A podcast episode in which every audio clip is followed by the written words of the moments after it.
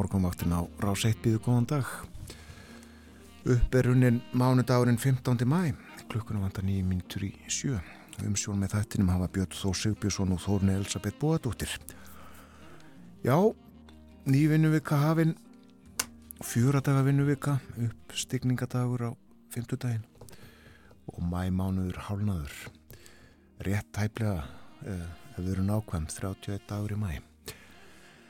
En uh, það er leiðinda viður, víða um land, kallt, sumstaðar snjókoma. Og við förum hringin eh, fjórastega hitt í Reykjavík, lítilsáttar regning klukkan 6 en það helli ringdi í eigilega allanótt og uh, má segja að allt sé á floti, pótlar víða. Einn gráða á Kvanneri, hitti við Frostmark, Í Stikisólmi, lítilsátt að snjó koma þar klukkan 6, 9 metrar á sekundu austanátt, fór í 15 í mestu kviðu. Fjórastega frost á Holtaverðu heiði. Einstigs frost í Bólungavík hitti við frostmark á Patrísfyrði. Einstigs frost bæði á Hólmavík og á Blönduósi. 7 metrar á Holmavík hitti eh, logn á Blöndósi eins og er tveggjastega frost við söðunissu vita hitti við frostmark á Akureyri mínus 1 gráða á Húsavík og mínus 3 ár á Rauvarhöfn hitti við frostmark á Skaltingstöðum einstegs hitti eins og er á Eilstöðum og fjórastega hitti bæði á höfni Hornafyrði og Kvískerum við frostmarkið á Kirkjubæðaklaustri 6 stega hitti á Stórhauða Suðvestan 16 þar svona jafnaði en sló í 25 metra í mestu kviðu. Bál kvast sem sagt. Og einstegs hiti í Árnesi. Fimm stega frost. Það sem kaldast þeirra hálendinu við sandbúður.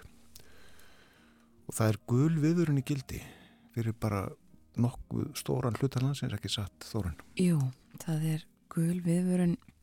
Hún hefur tekið gildi bæði á breyðafyrði og ströndum og Norðurlandi vestra og sömulegðis á miðhálendinu og svo tekur hún gildi klukkan 8 á Norðurlandi eistra og klukkan 10 á Östurlandi og það er sem sagt vegna veðursins snjókoma og kvassviðri norð-austan hríð.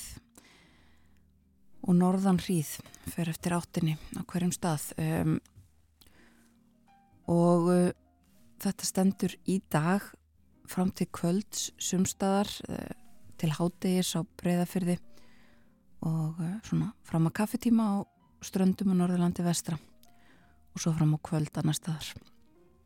Leiðenda veður og það er sérs að þessi læð sem að er yfir suðvesturhóttni landsins en á leið til austurs.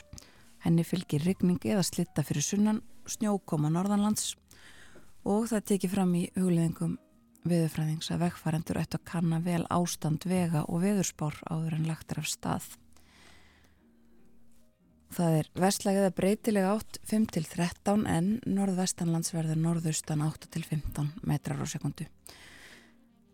Það lægir síðdegis hægt og stittir smám saman upp fyrst vestanlands og hitin í dagi kringum frostmark á norðanverðurlandinu en alltaf nýju stíðum siðst og eh, á morgun í fyrramálið 3-10 metrar á sekundu suðlæg átt yfirleitt bjart en skíjaða með stössunan til. Og eh, hlínandi veður 6-11 stík setnipartin Stittur upp á miðvöggudag en næsta lægð kemur seint um kvöldið með regningu um mest allt land. En þá verður tölvert hlýra 8-13 stík á miðvöggudag og svo segir á fymtudag og dagana sem fylgja er útlitt fyrir ákveðina suðvestanátt með skúrum engum sunnan og vestanlands en bjart öðru hverju öðru hverju norðaustan til. Áfram myllt í veðri. Svona hljómar þetta næstu daga. Það er uh, hálka á þrengslavegi uh, hálka á snjókoma á helliseiði. Ekki varlega segir við að gerðin við tökum undir það og uh, snjóþekja og jæljagangur á Holtaverðu heiði, einnig víðar í borgarferðinum, fæfingsfærð á Fróðarheiði, krapi á vatnalið, hálkublettir víða. Ég veit ekki hvernig uh, ferðin er á Östurlandi en það lendur margir í vandræði með gera á fjardarheiði þurft að loka henni um tíma. En uh, við fáum líklega fljótlega skeiti þaðan frá uh, veðagerðinni á Östurlandi er ekki hefjast verkvöld í dag hjá uh, skólaliðum, stuðningsfulltrúum uh, á leikskólum og grunnskólum uh, Kópói, Garðabæ, Mósfellsbæ Seltjarnesi Jú, held held ég. Meirum það kannski á eftir. Já, ekki setja bara lag á uh, fónin kraftmikið dægulag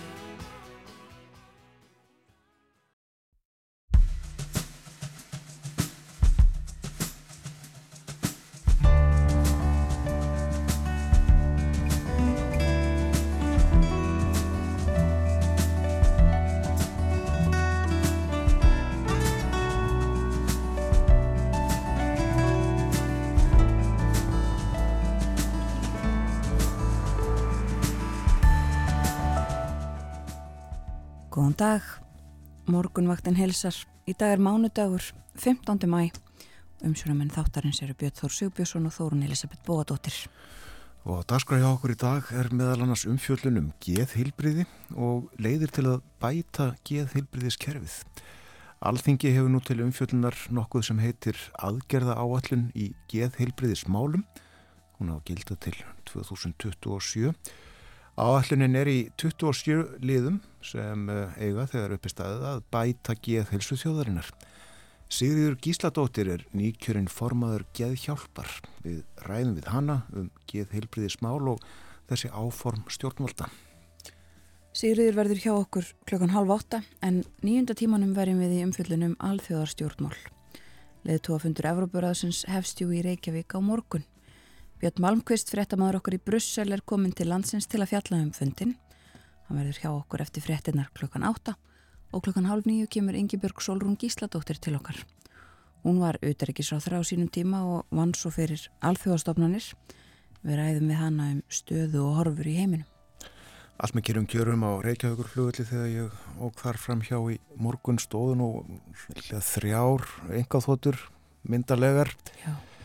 En uh, það er búist við nokkrum í kvöld. Já, og eh, viðbúnaður vegna þess víða. Það hefur verið gefin út listi yfir eh, fjölmarka háttsetta embætismenn og stjórnmálumenn sem eru á leiðinni til landsins. Langur listi. Já, Þetta eru nú meir og minna fórsetisráþurar og fórsetar eh, leiðtogar auðvita á leið og þennan leiðtogafund. Og eh, eins og við heyrðum í frettunum viðbúnaður líka vegna eh, umferðar. Við þurfum að búa okkur undir það við sem erum á höfuborgarsvæðinu að það verði tafir frá deginum í dag og svo út miðjökudaginn eiginlega það er hægt að kynna sér nákvæmlega lokanirnar á vefnum en uh, það eru tafir sem að má búast við víða þegar að uh, þetta fólk fer að lenda. Og uh, það þarf forgangsakstur á hótelin sín og þanga sem það fer. Og svo verður uh, eins og þekktir orðið svæði í miðborginni algjörlega lokað allri umferð næstu daga. sérstært ástand í Reykjavík til miðugudags. Já, en það eru annars konar, annars konar umferðatafir annars staðar á landinu. Það er eh, snjóþekja, hálka eða hálkublettir mjög víða um land og því vetrar færi sem hendar ekki akstri á sumardekkjum og vanbúnum bílum, segir í tilkynningu frá vegagerðinni. Leitið upplýsinga áður en lagt er af stað, segir sömulegis. En við nefnum þó að uh, það er hálka og snjókoma á hellisheiði og hálkublettir á þrengslavegi og það er snjóþekja og jæljagangur á holtaverðuheiði, einni víðar í borgarferðinum, þæfingsfærð á fróðarheiði, krapi á vatnaleið, hálkublettir víða á vesturlandi og uh, snjókoma á stengrinsferðarheiði og snjóþekja á veginu þar einnig á þröskuldum og innstrandarvegi, þæfingur á kleifaheiði, hálka eða hálkublettir á nær öllum leiðum á vestfjörðum, þæfingsfærð og jæljagangur norður í Árnesrepp. Þetta eru skeitin sem eru komið frá vegagerðinni þennan morgunin. Já. Síðustu fréttir á vega vegagerðarinnar af fjardarheiðinni eru að, að hún sé lókuð. Það er frá því nótt á eftir að uppfæra, uppfæra uh, upplýsingar um Östurland. Og það er rætt um leðtúafundin við uh, utrækisráð þeirra Þórdísi Kolbrúnur Reykjörg Kilvadóttur í morgunblæðinu í dag.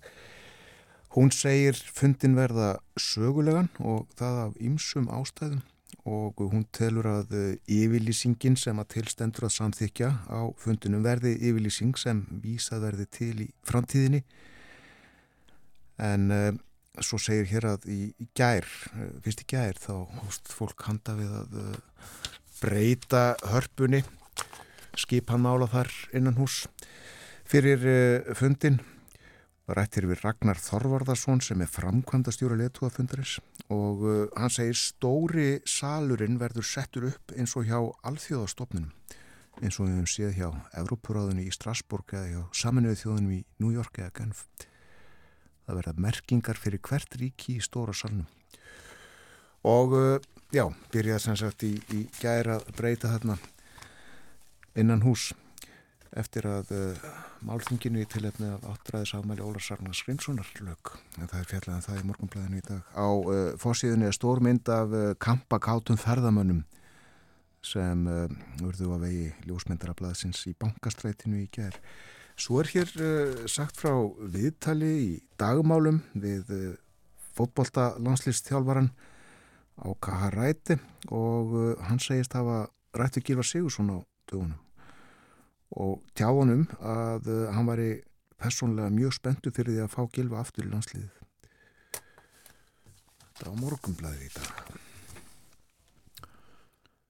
Nú, það er allt útlitt fyrir eða, eða bara ljóst eða hvað að, að uh, kjósa verði á nýji Tyrklandi fyrir umferði gær í fórsetakostningum og þingkostningum. Já, það lítur allt út fyrir það. Um, það eh, eru svona ólíkar ólíkar upplýsingar að koma úr herbúðum þessar að tvekja uh, stærstu frambjóðenda, annars vegar Erdogan fórseti og hins vegar Kemal já, erfitt með að segja þetta alltaf. Uh, eftir nefnið hans Kili Darulu Dorólu.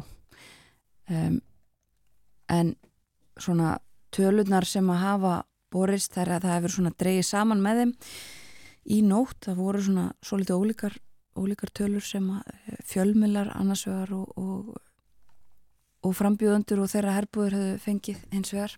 Og um, það er verið að klára talningu en lítur allt út fyrir að, að hvorugur þeirra hafi náð þeim 50% atkvæða sem þarf til þess að forðast aðra umferð og uh, því líklegast að, að það verði kosið á ný eftir halvan mánuð 28. mæ held ég að það sé um, en kostninga yfirvöld eða þau sem að fylgjast með kostningunum uh, sögðu að, að það munaði litlu. Erdogan var með 49,49% þegar að búið var að telja 92% uh, atkvæða.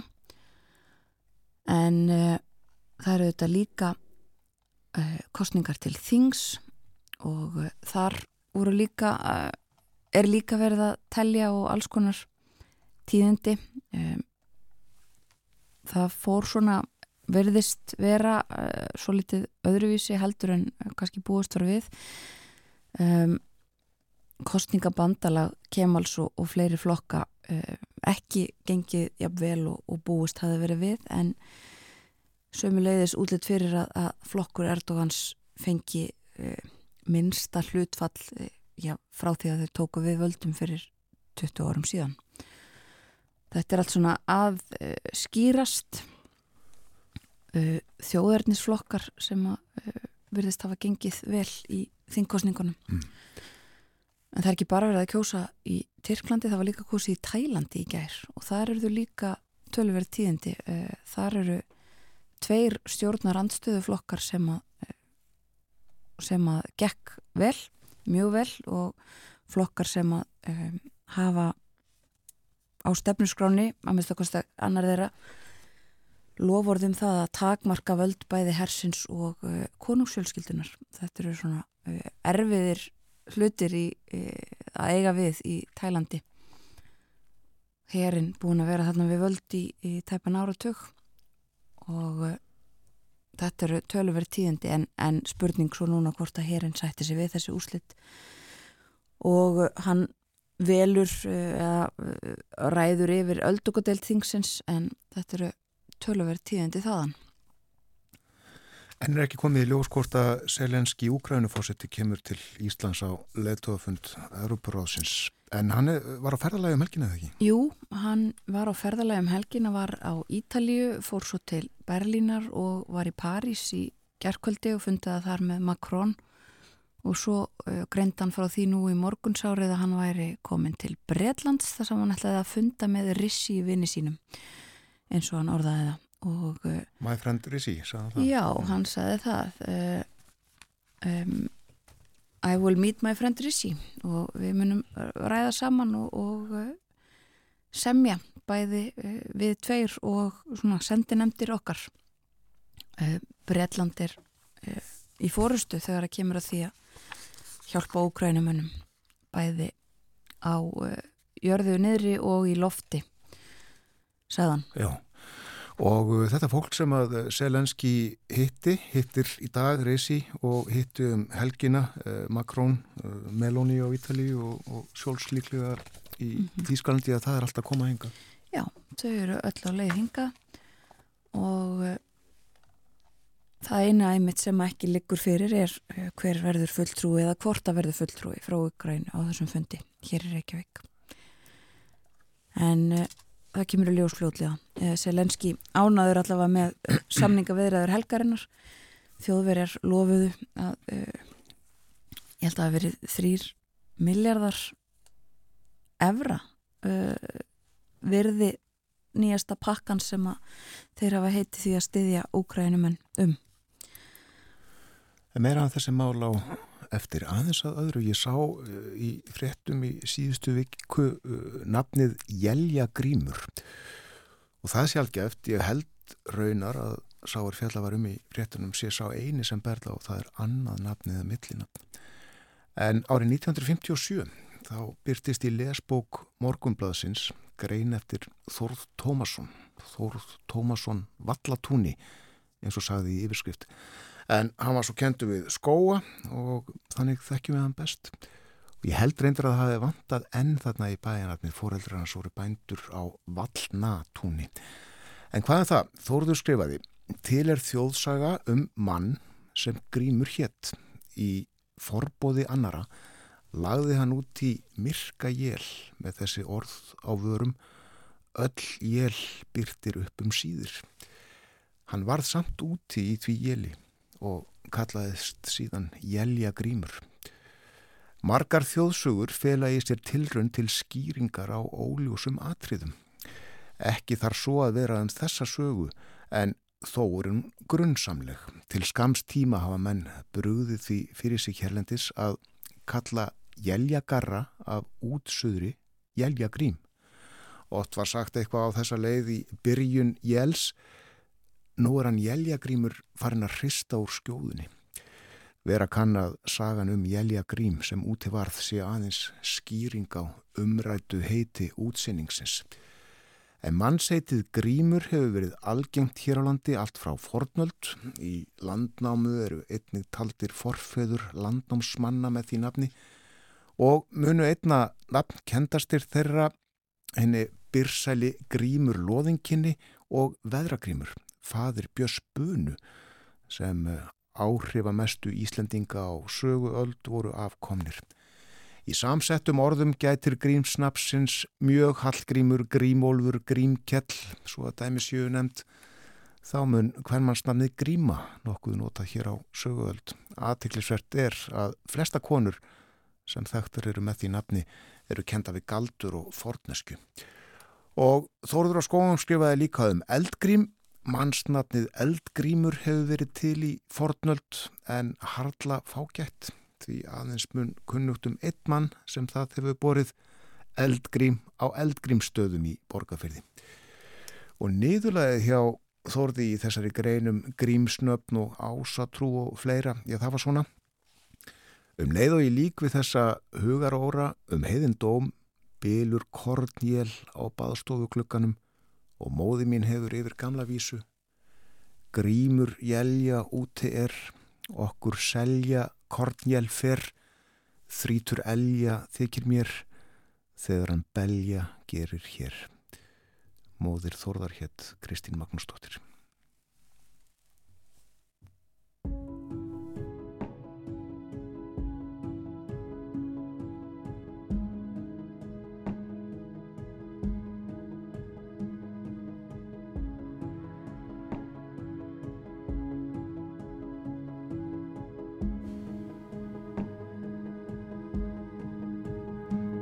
Ber stein í þessu stríði.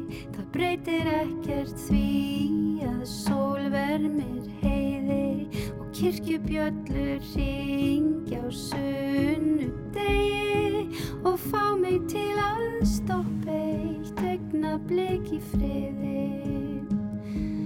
Vökvaðu mig, mig þyrstir eins og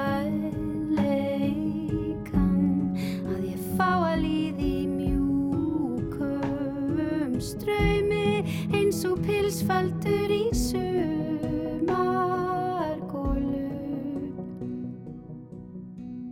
Ég vil vakna þakkinn dögg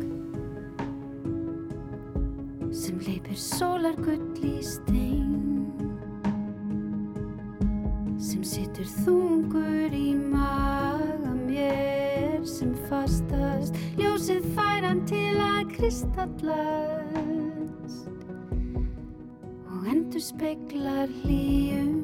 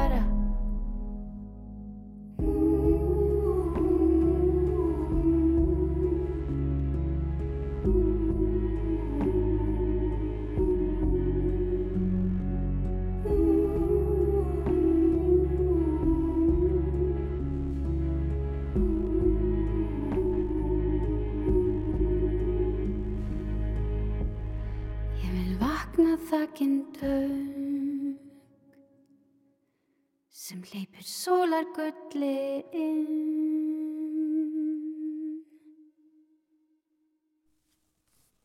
Vertu Úlfur heitir þetta lag eftir Emilíunu Torrini og uh, Margetu Írglóu. Það söndu þetta fyrir uh, leikritið Vertu Úlfur sem að uh, var uh, gert eftir bók Hjeðins Unnsteinssonar sem að uh, var lengi formaður geðhjálpar en létt af því embætti fyrir uh, fáinu vekum og uh, við tók Sigriður Gísladóttir og hún verður hjá okkur hér eftir frettaði litið. Kanski við líka nefnum laga því við spiliðum lag hér fyrir morgun sem uh, við náðum ekki að kynna inn eða afkynna. Það var Moonlight Shadow. Kunnulegt lag svo sem fyrir flesta lustundur. Já, og uh, höfundurinn Mike Oldfield á afmæli í dag, 70. En uh, liðin eru 50 ár frá því að hans fyrsta plata kom út, það var hann 20 Tublar Bells, hétt hún og var uh, stórmerkilegt verk, uh, var á sínum tíma og bara enn held ég uh, talað um uh, einstaka frumraun listamanns. En Við ætlum að fjalla um uh, stjórnmáli í heiminum og eftir. Uh, Björn Málmqvist, fréttamaður uh, sem vanlega er í Brussel með okkur, hann uh, verður hjá okkur í hljóðstofu eftir fréttinar klukkan átta og klukkan hálf nýju kemur til okkar Ingi Björg Solrún Gísladóttir. Við ætlum að tala um fundin í Reykjavík og ef að segja ástand og horfur í heiminum bara almennt. Leðtóa fundurinn verður settur á morgun, stendur á morgun þriðudag og miðugudag en það eru alls konar aðrir fundir haldnir í eh, tengslu við þetta. Til dæmis uh, kemur það sem að hætir uh, stjórnarnemnd Evrópuráðs þingsins saman í dag.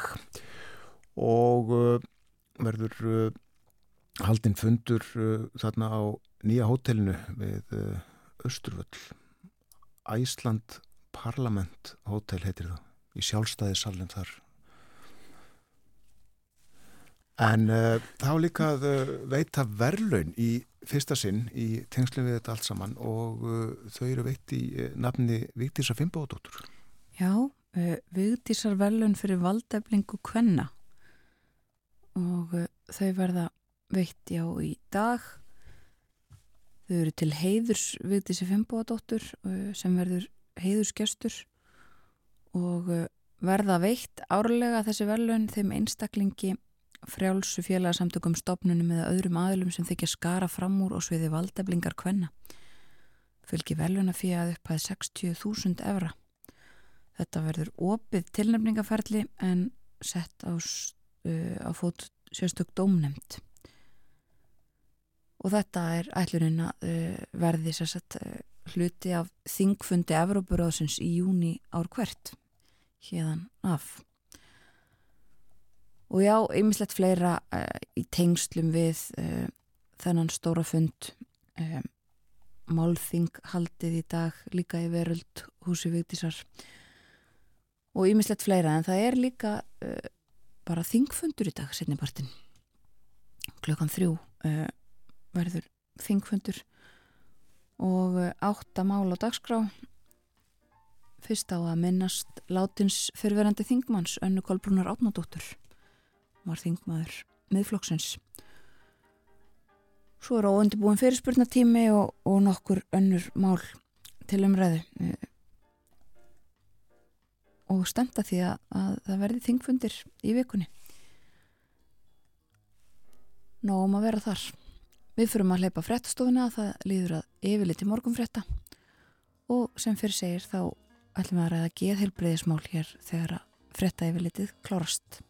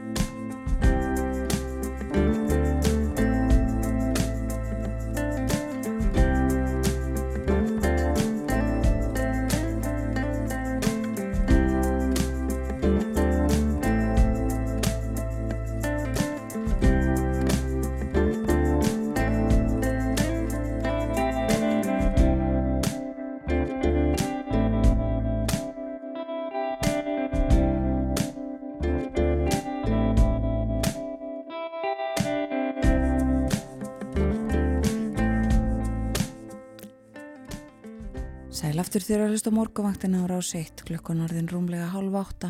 Og það er mánudagur í dag 15. mæ mæ að verða hálnaður það er ekki mjög voru eða sumarlegt veðrið ekki í dag. Það er eh, vestlægða breytilega átt 5 til 13 en norðaustan 8 til 15 norðvestanlands. Víðarigning eða slitta en snjókoma norðan til og gular viðvaranir í gildi á stórum hluta landsins vegna uh, norðan og norðaustan hríðar. Það eru viðvaranir á breyðafyrði, Norðurlandi, Eistra, Norðurlandi, uh, Vestra og Ströndum, Austurlandi og Miðhálendinu. Það er að hafa ímist þegar tekið gildi eða eru um það bila fara að taka gildi. En það lægir síðdegis og stittir smám saman upp, fyrst vestanlands, en hittin verður í kringum frostmarka norðanverðurlandinu en alltaf nýju stigum síðust. Bjart að mestu í fyrramálið og söðulega átt 3-10 metrar á sekundu, en sent á morgun söðaustan 8 til 13 og væta með köplum sunnan og vestanlands. Hlínandi veður 6 til 11 stug síðdegis á morgun. Og það verður áfram hlýra í veðri og myllt veður þó að það sé reyndar önnur lægð á leið til landsins sent á miðvíkudagskvöld. En uh, myllt sem sagt og hitin upp undir 13 stig næstu daga.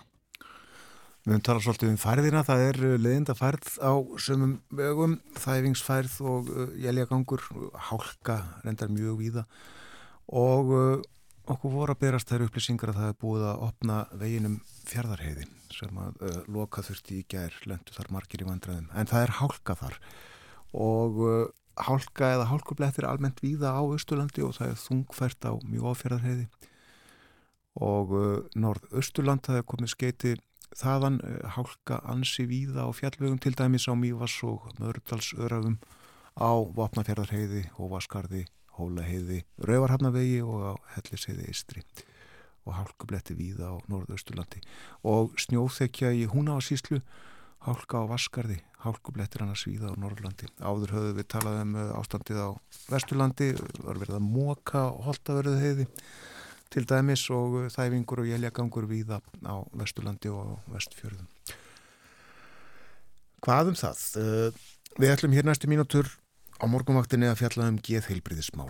Það þarf að bæta geðheilbriðiskerfið okkar, ég held að allir séu samála um það. Fólk reynir þó eflaust á um hvað beri að gera. Kerfið er marg þætt og marg laga og þarfir og vandi fólks af ýmsutægi. Alþingi hefur nú til meðferðar uh, tillögu heilbriðisráð þeirra um uh, aðgerða áallun í geðheilbriðismálum málum. og uh, hún á að gilda næstu fjögur árin til 2027 og þessi áallun er í 27 liðum og, og þeir taka til margra þátta. Hér hjá okkur er Sigriður Gísladóttir, hún var kjörinn formaður geðhjálpar í mass síðastliðnum og við ætlum að tala um þessa áallun og eigum að segja vegana og meta. Velkomin til okkar Sigriður. Kæra þakkir. Fyrst kannski örf á orðum þig, þú ert glænýr formaður geðhjálpar en eh, hefur talsverða reynslu af geðheilbriðismálum ekki satt. Jú, það passar. Segð okkur svolítið á frá sjálfiðir og hvers vegna þú lætur þig þennan málflokk varða. Já, ég myndi segja svona að geðrætt vandi hafi lita mjög líf mitt og það, það kannski kemur svolítið þessi svona eldur sem að ég ber í þessu málaflokki. Bæði hef ég verið aðstandandi og það, hérna, hef verið það allt mitt líf en, en bernska mín litaðist rosalega af því. Þannig ég hef svona upplifað úrraði leysið, gagvar því að, að hérna, vera aðstandandi og vera barn og, og, og eiga foreldri sem að er að berjast við geðran veikindi.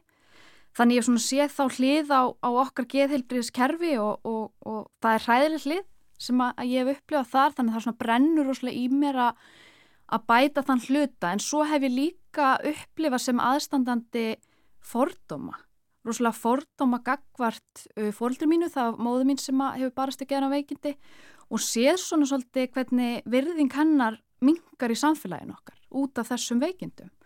Og fyrir barn að upplifa þessa fordóma uh, eru þetta hræðilegt af því það eru engar, þegar ég var í grunnskóla ég fætt 1990, það var engin geðfræsla í skólanum mínum eða neitt það var aldrei talað um þetta en ég vissi ekki neitt. Eina sem vissi var það sem ég heyrði frá fólk út í bæ og, og, og sá í einhverjum bíómyndum sem að gaf oft mjög ranga mynd. Og svo hef ég sjálf upplifað það að vera notandi geðhelbriðiskerfisins sem að, að hérna, gerðist uh, þegar ég er 17 ára og þá veikist ég mjög alvarlega ádruskun sem að ég vil meina og trúi að hafi bara verið bein afleng minnar esku og þessu stuðningsleysi og þegar ég svona líti baka þá finnst mér þetta svo sorglegt, þá finnst mér svo sorglegt að við skulum ekki veita stuðning í aðstæðum þegar að börn þurfa á að halda. Uh, við látum við fara í gegnum kannski benskuna sína uh, þar sem við upplega mikil áföll, erfileika á nokkur stuðnings þanga til að, þau veikast sjálf eins og gerist um mig og þá er þetta einstaklingar sem eru farinir að nýta dýrustu einingarnir í geðhelbrískerfin okkar. Þannig að þetta snýst ekki bara um lífsgæði barna eða, eða fólks, þetta snýst líka um peninga því við veitum alveg að það er svolítið það sem stýrir kerfunum okkar, það eru peningar og mér finnst bara svo ótrúlega sorglegt að við séum ennþá svolítið þarna. Við erum svolítið bara svona að grípa fólk þegar það komin á hræðilegan stað og kannski búin að missa mörg ár lífi sínu að því við gripum það ekki. Aðeins uh, meira um, um uh, æskunaðina, um, þar að segja, varstu einn þó að fólki kringum þig vissi af þessum aðstæðum sem þú varst í, til dæmis fólki í skólanum, kennararnir, skólastjórin og fólk kannski í heilbíðiskerfunu? Já, ég uppliði algjört aðgjöralesi, algjört og það bendi stað í raun og veru um, hérna, heilbriðskerfinu, skólinn minn, það var engin stuðningu þar, ekkit samtal þó að, að það væri greinlegt að fóröldi mitt væri að glímaði veikindi, um, mæti ekki mínu skólan var mjög lítil um, og þannig að þetta hefði náttúrulega rosalega áhrif á, á tækifæri mín, mín til náms og bara svona félagslega tækifæri. Þannig að það var einhvern veginn bara svona algjört aðgjöraleysi og ég held ekki að sé að því að fólk sé vond eða hafi ekki viljað styðja við mig. Það er bara svo þetta er bara erfitt og það, lít, það var sérstaklega svo tíma mjög lítil kunnáta, það var málefni sem að fólk vildi ekki snart á, það treysti sér ekki til þess, uh, ákunnuleiti lita fordómum, þannig er svona, já, bara svona algjört aðgerraleysi. Ekki gott. Við ætlum að tala um þessa áallin stjórnvalda hér á eftir, uh, þetta er aðgerða áallinu 27 liðum eins og ég saði á þann, uh, mér langar samt fyrst að heyra hvað þú myndir setja í forgang og, og þá ekki endilega mál sem eru í þessari ofinbyrja áallun heldur, hvaða fimm aðgerðir þú telur mikilvægast að ráðast í strax? Já, fyrst þar á, á listanu væru forvarnir, bara sterkar forvarnir, það gerir gott samfélag, það er bara þannig. Uh, svo verður það hérna geðrægt á bara í skólum og, og bara vísveri okkar samfélagi leggja mikla áherslu geðrægt. Uh, ég myndi leggja mikla áherslu á að styðja við fóreldra. Uh, fóreldri í barningnaferli, uh, fóreldra sem að er að glíma við einhvers konar erfileika, að, að því við veitum það náttúrulega stuðningu við fóreldra að það, alltaf, það er stuðningu við barn, það er bara þannig og við þurfum að leggja áherslu á það. Svo myndi ég stór auka stuðning við börn fóreldra sem að, glíma við gerna vanda. Um, ég tel að það sé, að mínu mat er það eitt brínast, brínasta verkefni samfélagsins okkar að því að rannsóknir sín okkur það að, að þessi börn sem að fá ekki stuðning bærsku er í 70% meira hættu að þróa sjálfmessi gerna vanda.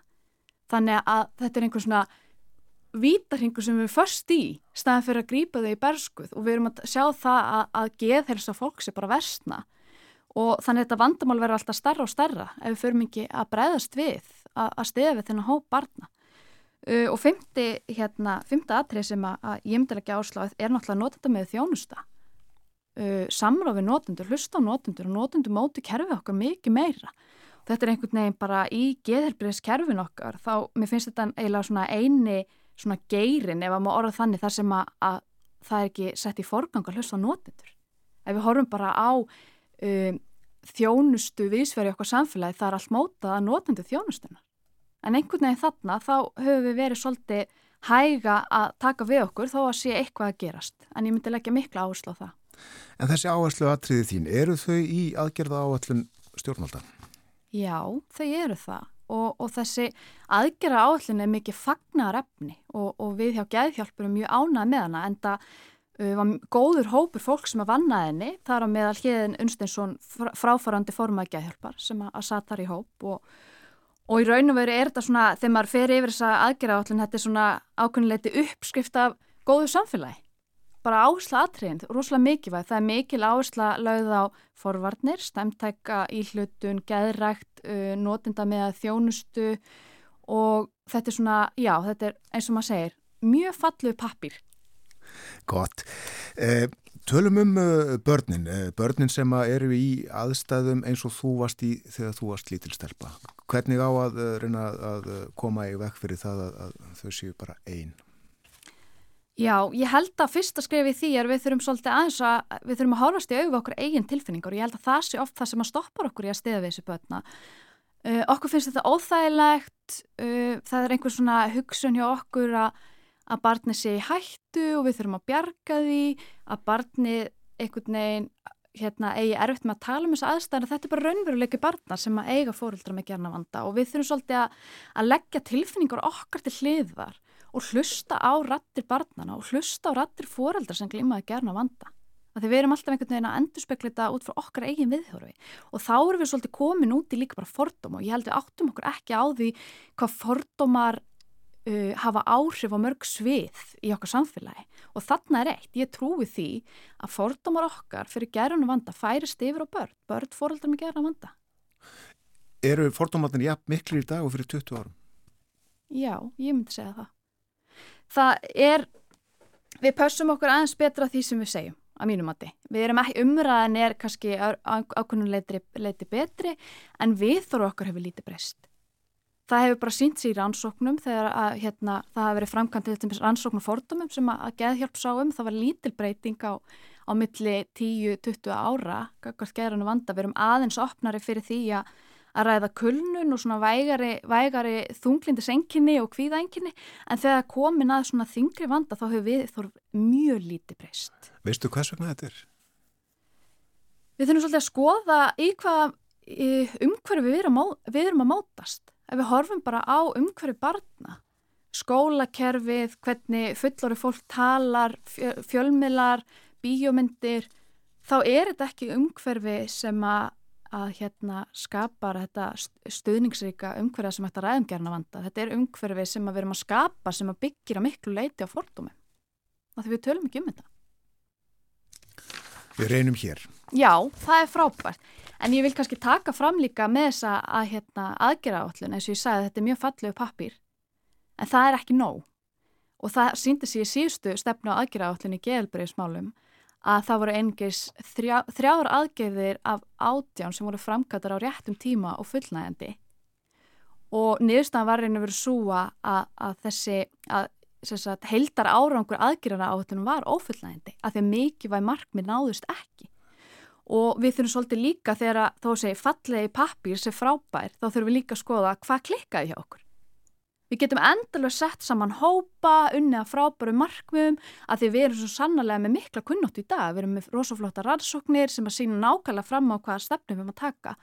Og það fylgir því ábyrð að hafa svo kunnóttu og þá þurfum við, eins og ég sagði áðan, þetta snýst allt um peninga. Jú.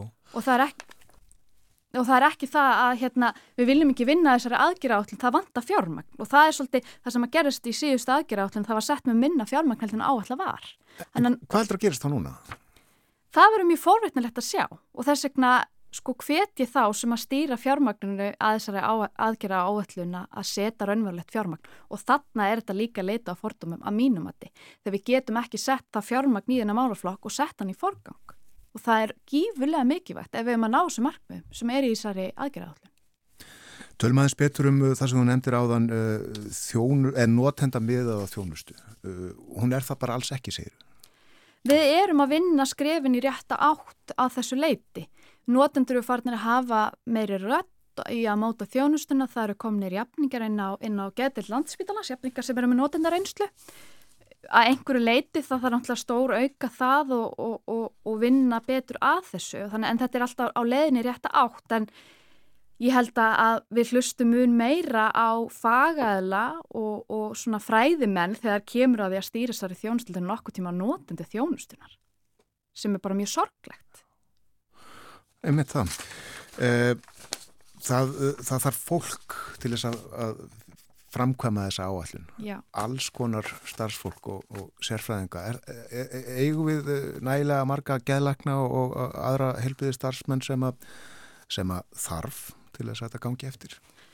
Vissulega er skortur á uh, geðleiknum og, og, og heilbrið, geðheilbriðismentu starfsfólki. Það er bara staðan og ímislegt ef við erum að gera til þess að, að reyna að bæta það og það er kannski mörguleiti stór vandi um, og margt sem er hægt að gera til þess að raun að veru kannski vinna því að, að menta fleira fólki í þessu máluflokk en ég held að þarna liggi ekki vandin í því að, uh, að vinna betra geðheilbriðiskerfi. Við þurfum ekki að vera mentu geðleknar til þess að gera það.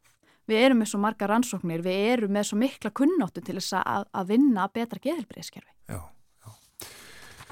já. Uh, þetta er uh, gott, gott mál, uh, segiru þessi tillaga til þings álíktunar um aðgerða áallun í geðheilbriðismálum uh, 2023 til 2027. Það var áður áallun í gildi en það var ofslega lítið gert af því sem að átti að gera, segir Já. okkur. Það gengur vonandi betur núna. Það, já, ég held að allir sem er unnu að þeirri stefna aðgerra átlun hafi staðið sem er príði og ég held að vandin liggja einungus í fjármagni sem er sett í þetta. Já. Og hendur okkur eru alltaf bundnar ef við höfum ekki fjármagn. Og það sést bara í svo mörgu sviðum í geðheifliriskerfinu að það er alltaf skortur á fjármagni. Fólki er að, að berjast fyrir því að fá fjármagnin inn á málaflokk. Og það er bara sorglegt, það er bara við höfum það mikla kunnáttu til að vita það að þetta hefur áhrif á allt samfélagi okkar. Og þetta, tengi, þetta einhvern veginn snertir svo marga. Við vitum bara það að, að geðrætt vandi er mjög algengur og, og mjög margir sem að, að glíma við það einhvern tíma á lífsleginni eða þekki einhvern sem glíma við það. Þannig að ég bara skil ekki að hverju einhvern veginn svona uh, forgámsöðun okkar er ekki meiri á þennan málflokka. Þetta snertir svo ótrúlega marga í okkur samfélagi.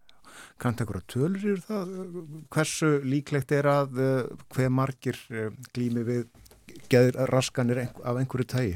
Það er áallega fjórðungur uh, fólks á, á vestrænu, í vestrænu löndum uh, glými einhver tíma við gerna vanda, samkvæmt alþjóða heilbreyðismála stopnun, þannig að þetta er stór hópur og náttúrulega uh, það, þegar einn einstaklingu fyrir að glíma við hennar vanda, þetta hefur áhrif auðvitað á svo marga og áhrif á svo mörgu sviði í lífið þess og þess vegna er ég að tala um börnina því að auðvitað hefur þetta áhrif líka aðstandendur og við verðum að styðja við alla í kringum einstaklingi sem er að glíma við hennar vanda. Þakkaði kellega fyrir að koma enga á morgunvaktina og uh, tala um geð heilbriðismál uh, um uh, þína sín á stöðumála og uh, rappa um þessa aðgerða áallun stjórnvalda Sigriður Gísladóttir formaður geðhjálpar njóttu dagsins. Takk fyrir, kæra þakki fyrir.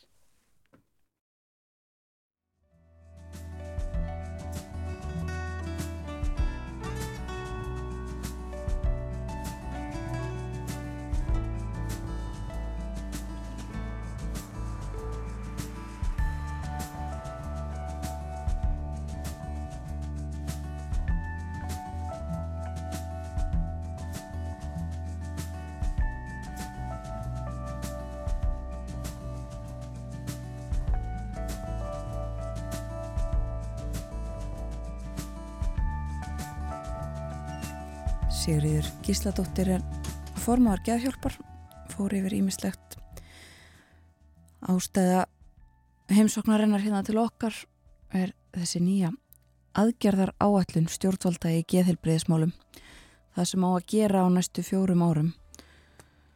Og eh, fallegu pappir sagði Sigriður en það er ekki nóg. Það þarf að standa við það sem stendur á pappirnum og það var ekki gert síðast sagði hún ekki með nægilegum hætti. Fáar aðgerðir sem að voru kláraðar á réttum tíma þar.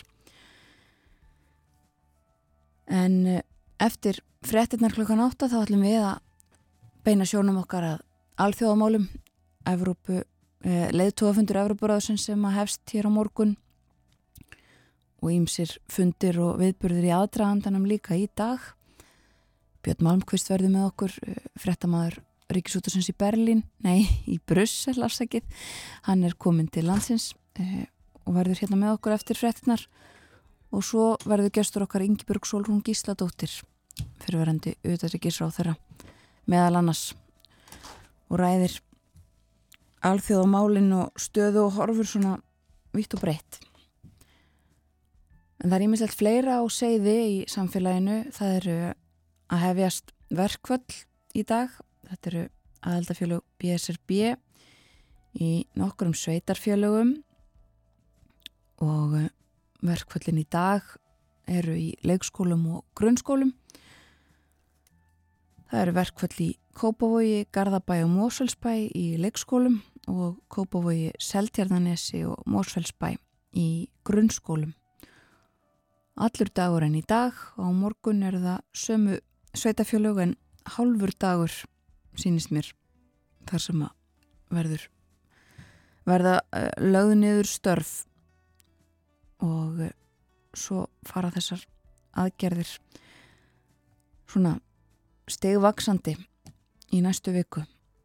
Þetta eru sem sagt eh, í þessum skólum aðalega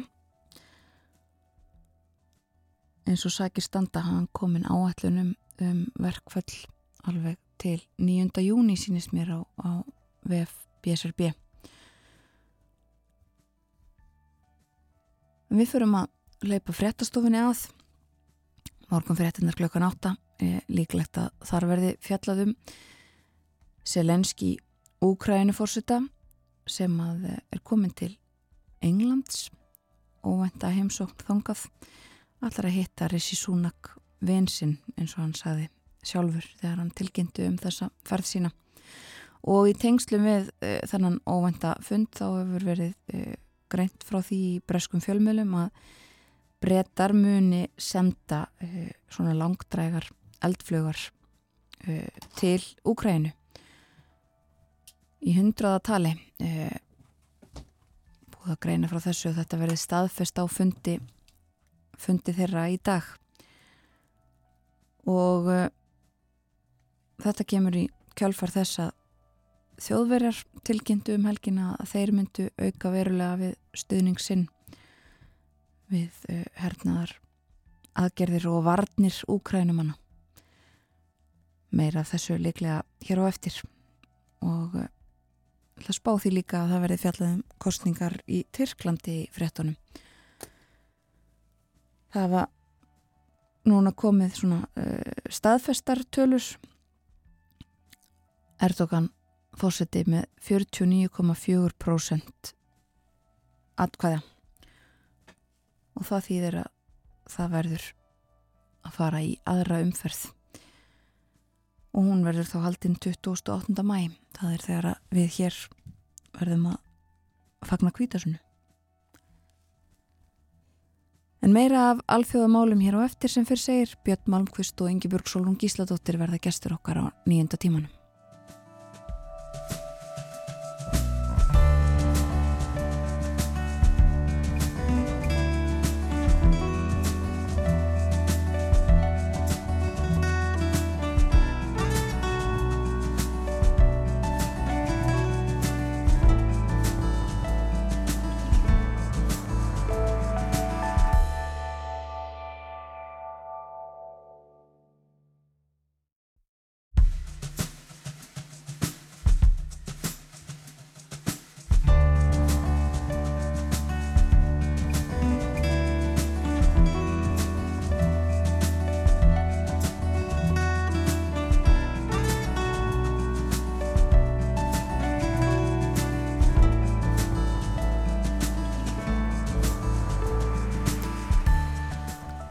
Ný, áframheldur sigling okkar á morgunvaktinni á rásettin í daginn, klukkan farin að ganga nýju. Það er mánudagur í dag, ný vinnuvika hafin. Það er þungbúið, uh, ringdi og ringdi og ringdi í nótt en uh, dróð svo aðeins úr regningunni en uh, það má búast við kannski einhverju súld og regningu sumstæðar og það snjóar á heiðum og fjöllum. Já, og eh, fer nú að hlýna þegar að, já ekki þegar að líður á þennan dag en á morgun þá uh, tekur að hlýna. Svo verður svona mild veður uh, næstu daga en þó er von á nýri lægð miðvíkudags kvöld með regningu um mest allt landið. Það er frítagur á fymtudag, uppstykningadagur. Um, það verður rók og regning en úrkomi minna norðaustanlands e, og hlýjast líka þar 14 steg heiti kannski þegar best verður Og sæmilegasta veður, uh, ekkert meira en það í Reykjavík næstu daga uh, á meðan leðtóðafundur Evrópuráðsins stendur. En hann er til umfylgnar hjá okkur hér næstu mínútur. Björn Malmqvist fréttamaður sem að uh, er með okkur á mándugum, talar frá Brussel, er komin í hljóðstóðu. Velkomin til okkar, Björn. Takk. Og við uh, minnum á það að Ingi Björg Solon Gísladóttir verður hjá okkur uh, eftir fréttaefriti klukkan hálf nýju. Þá ætlum við að tala um ástand og horfur í alþjóða pólitíkinni. En Björn, uh, las ég ekki rétt eitthvað staðar að vona á 3-500 blaðamunum til hansins til þess að fylgjast með fundinum? Ég held að talan sé í kringum 600. 600, já. Já, það er ansið mikil, mikil, mikil aðtekli. Já, og það uh, segir okkur eitt að uh, það er búist við að, að þetta sé slíkur viðburður að, að uh, honum þurfi að sinna og segja skilmerkilega frá.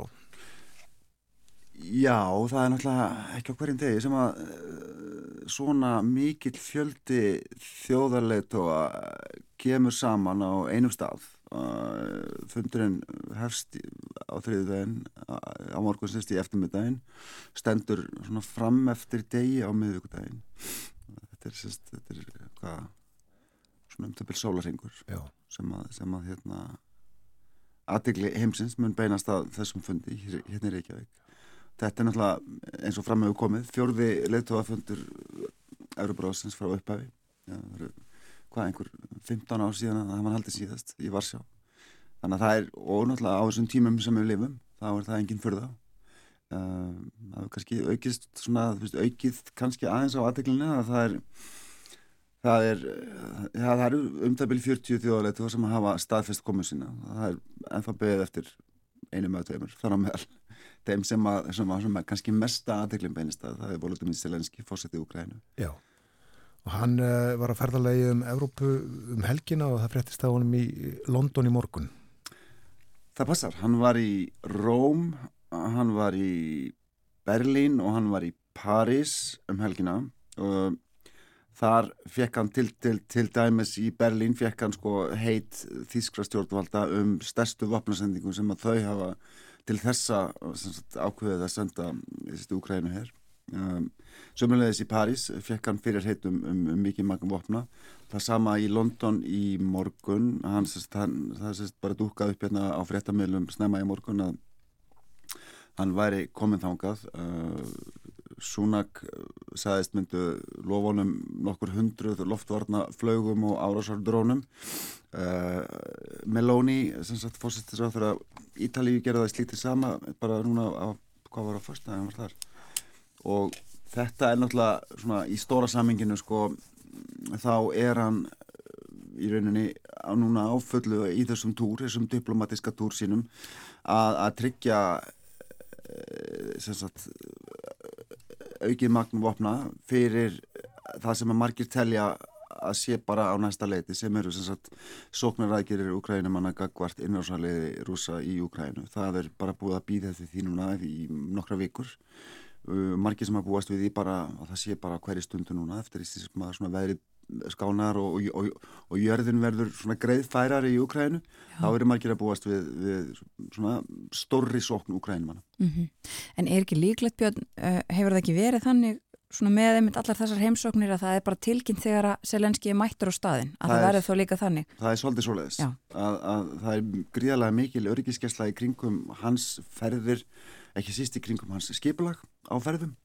Uh, sko, S- Rishi Sunak fórsettis á þeirra Breitlands sagði nú bara fyrir nokkrum mínútum að, að, að sest, hann væri á leiðin til Reykjavíkur og að Selenski myndi semst taka þátt í fundinum í gegnum fjárfundubúnað það var það síðasta sem að, sem að fréttist af því skipulagi Já, uh, hvað svo sem gerist bara er engin leið að segja til um og við verðum meðlega bara svona að bregðast við því þegar, þegar það gerist Já. uh, ef það gerist uh, það er bara engin leið til að segja um það hvort að hann kemur eða ekki sko. En uh, á Súnak sem sagt að skilja í morgun að, að Selenski væri ekki á leið til Reykjavík. á honum var það að skilja já. Uh, bara lesi í það hver sem vill Já. það sem hann vill sko.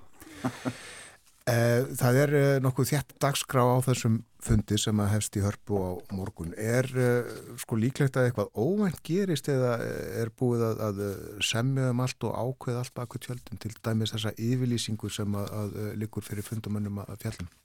Það er nú venjulega þannig á svona leittöðafundum að það er búið að standa yfir embættismenn og sendinemndir eru búin að semja um textan á þessari Reykjavíkur yfirlýsingu eins og hún hefur verið kölluð, Reykjavík Declaration. Það er búið að, að standa í marga mánuði. Uh, ég held að sko svona að, að öllu jöfnu þá eru þá erum þessa yfirlýsingu eins og aðrar sem eru samtæktur á leittóafundum til dæmis hjá NATO, til dæmis hjá Örbúsambandinu, það er, það er búið að ganga frá henni sennilega bara núna eða fyrir nokkrum dögum eða eitthvað áleika sko. ég veit að Ísland hefur sko, reynt að leggja sitt af mörgum inn í þessi yfirlýsingu um, það voru þarna línur sem að íslenski ráðamenn vildu koma inn til þeim sem umhverfismál og alls konar hvernig það fór veit ég ekki. En, en sérst, eins og Þórdís Kolbrun benti á held ég við þetta í gerð og bylginni þetta er ekki, sko, þetta er ekki fundur Íslands. Ísland ræður ekki sko hvað hva, hérna, hvað, hver útkaman á hann verður. Þetta er fundur náttúrulega, þetta er fundur Európarósins haldin í bóði Íslands. Um, og, og þetta eru sko 46 ríki og það eru, það eru, mismunandi hagsmunir og mismunandi sjónamið og, og allt það sko, kannski það sem að saminar, það sem að kannski allir geta samanist um þarna er, er náttúrulega, þú veist, yfirlýsingar gagvart Úkræðinu, yfirlýsingar gagvart til og með þessari, þjó, þessari tjónaskrá sem, að, sem að setja saman, uh, yfirlýsingar um, svona almennar yfirlýsingar um, um, um stuðning, áframhaldið stuðning við Úkræðinu og allt það. Um, það er eitthvað sem að, svona, já, sem að svona, svona, svona reynur í gegnum þessa yfirlýsingu hvað annað sem að kemur inn í hana bara verður bara komið ljós. En, en svona í það heila þá er þetta plagg sem að, að tekur mjög langan tíma að, að, að semja og mjög langan tíma til að semja um. Að við verðum að bara, svona kannski bara býða eftir því hvernig, hvernig hún lítur út. Hún verður vantanlega byrt í lokfundar á, á miðugdegi. En það er útlitt fyrir að sé samhljómur meðal þessara 46 leitu að eldaríkjana um um, um málinn þegar kemur að Úkrænu og innráðs rúsa í Úkrænu. Já, það virðist vera mjög mikil eindrægni gagvart því nánast allstaðar. Það er svona blæbreyðamönur eins og hefur verið til dæmis innan Evropasambansins. Það er blæbreyðamönur á því sem að fólk segir til dæmis í, ef að segja, pff, þú veist,